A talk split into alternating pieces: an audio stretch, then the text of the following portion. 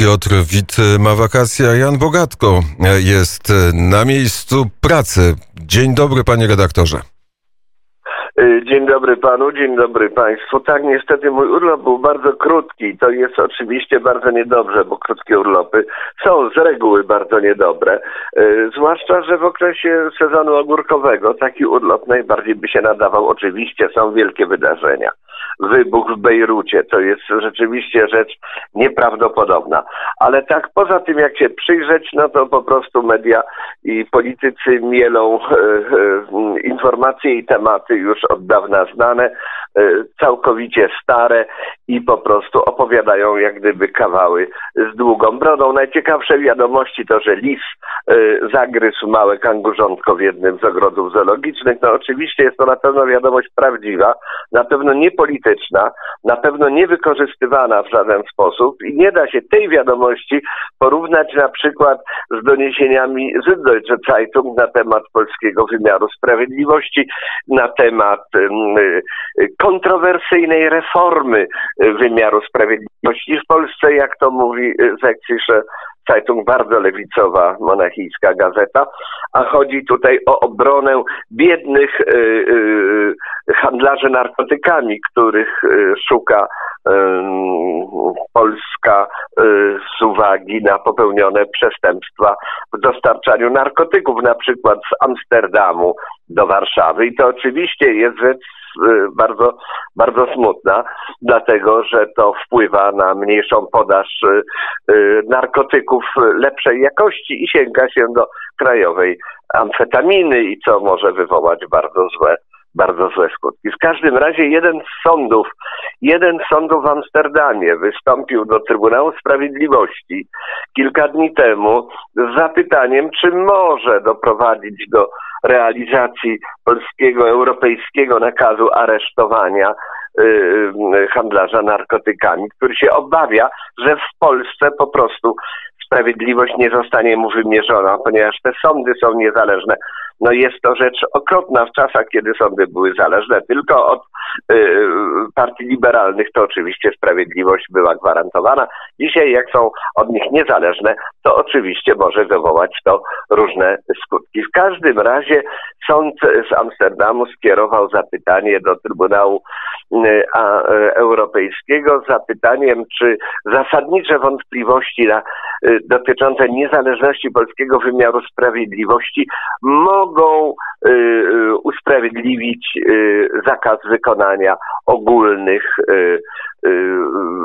nakazów aresztowania nadchodzących z Polski. I sąd ten z Amsterdamu pisze, przerażony do Trybunału Sprawiedliwości, że już od 2007 roku, czyli od 13 lat, niezależność polskich sądów, a zatem i polskiego prawa y, i uczciwego procesu coraz bardziej znajduje się pod presją. No w ogóle rzeczy straszne się w tej Polsce. Może i Polacy o tym słyszeli, może warto by to było nagłośnić, może rzeczywiście tak jest, że właśnie procesy są y, bardzo y, teraz nieprawidłowo przeprowadzane z uwagi na to, że przeprowadzono jakąś reformę i to już od 2007 roku dzieją się takie rzeczy, a więc włos na głowie, włos na głowie mi się, się jeży. No i tutaj y, po prostu historia z, y, z dealerem narkotyków z Amsterdamu przypomina tę historię z dealerem y, narkotyków z Dublinu, który też wystąpił w ten sposób i zdaje się miał jakiś sukces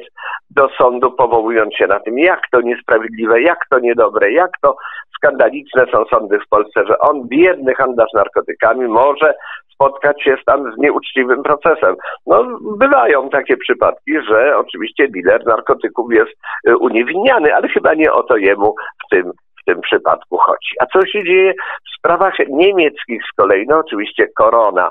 Korona, zwłaszcza po demonstracji w Berlinie. Ile osób brało udział w demonstracji w Berlinie, która miała na celu zaprotestowanie przeciwko różnego rodzaju ograniczeniom demokracji, ograniczeniom swobód obywatelskich w związku z pandemią korona, która y, stanowi zagadkę do tej pory naukowców y, całego świata w zasadzie, a mniejszą, jeżeli chodzi o polityków. W każdym razie y, korona po, tym, po tej demonstracji jakoś się nie rozwinęła mimo że twierdzono, no milion trzysta, może dwadzieścia tysięcy, rozbieżność dość duża, ale my wiemy, jak to wyglądają te wszystkie relacje, na przykład Sächsischen Zeitung czy Süddeutsche Zeitung na temat różnego rodzaju konwentykli kodu. Były robione tak zdjęcia, że sprawiało wrażenie, że to nie było 20 osób, a 20 tysięcy, więc również z tym milionem 300 i 20 tysiącami dzięki Photoshopowi można osiągnąć wspaniałe, wspaniałe wyniki. No dobrze, to teraz może przejdziemy jeszcze od korony. Aha, jeszcze minister, minister y, zdrowia, minister zdrowia w Mecklenburgii y, na Pomorzu Zachodnim chce kontrolę, kontrolę w portach i na polskiej granicy z uwagi na wzrost zachorowań.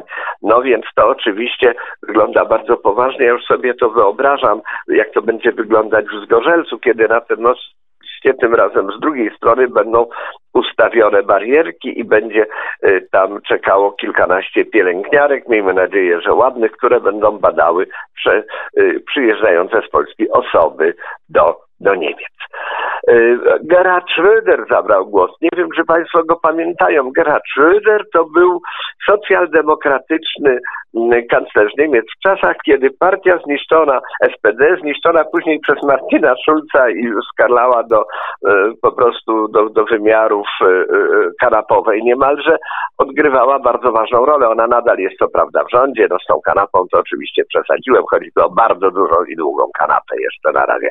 W każdym razie Schröder powiedział, że w następnych wyborach do Bundestagu po prostu SPD przerżnie i będzie rządziła CDU, czyli ta chrześcijańska demokracja, czyli prawica, z zielonymi. To jest ta partia, o której CDU swego czasu mówiła, że ona się absolutnie nie nadaje. Do żadnej koalicji z nimi nigdy nie będzie nic wspólnego, e, nic wspólnego CDU. Miała, to było w czasach, kiedy jeszcze taki młody Joszka Fischer w trampkach w Hesji e, był zaprzysiężany jako minister landowego rządu i wtedy oczywiście o zielonych mówiono jak najgorzej. Dzisiaj jest to partia lewicowego, bogatego establishmentu, bo dzisiaj lewica, dzisiaj ten cały ruch, nikt nie rozumie tej rewolucji, która ma miejsce na świecie, to jest rewolucja bogatych lewaków przeciwko biednej, zniszczonej klasie średniej i o tym trzeba pamiętać, mając na uwadze wszystkie tęczowe pochody, czerwone pochody, siakie, takie czy owakie protesty różnego rodzaju, to trzeba mieć na myśli. Y, to nie są proletariusze y, całego świata, łączcie się, ale bogacze całego świata z, z, z, takim czy innym sztandarem, łączcie się zdecydowanie. No więc Schröder już przepowiedział, że SPD, czyli ta dawna lewica odchodzi w jakąś daleką przyszłość, z której już najprawdopodobniej nie wróci, a pojawi się ta nowa, ta nowa prężna, zdecydowana, bogata, zielona, która będzie, która wprowadziła e, wiatraki, która wprowadziła różnego rodzaju e, instrumenty do pozyskiwania energii elektrycznej, o wiele droższej niż tradycyjnymi metodami, ale nad tym pracowano latami, latami. No w końcu trzeba wiedzieć, na czym można zrobić duże pieniądze i to jest ważne, nawet w lecie, nawet podczas sezonu ogórkowego. I tak samo bardzo dziękuję za rozmowę. Może tak powiem za, za korespondencję, bo chciałem skomentować, że e, gaz, zieloni lubią gaz tak samo jak e, kanclerz Schroeder, który w tym rosyjskim Ale gazie jest zakochany. E, naturalnie nawet się mówi o, o, o, o e, kanclerzu Schröderze, czasami to e, jest dosyć trudne do przetłumaczenia na polski, ale łatwe do zrozumienia. Chyba mówi się o nim Gastarbeiter. Jest powiedzenie Gastarbeiter, czyli pracownik gość, czyli po prostu ludzie przyjeżdżający do pracy do Niemiec, ale tutaj mamy Gasarbeiter, czyli pracownik gazowni. Pracownik gazowni Gerhard Schröder. Bardzo e, serdecznie dziękuję za rozmowę. Jan Bogatko ze Zgorzelca, godzina 8.59 na zegarze. Kończymy e, poranek wnet.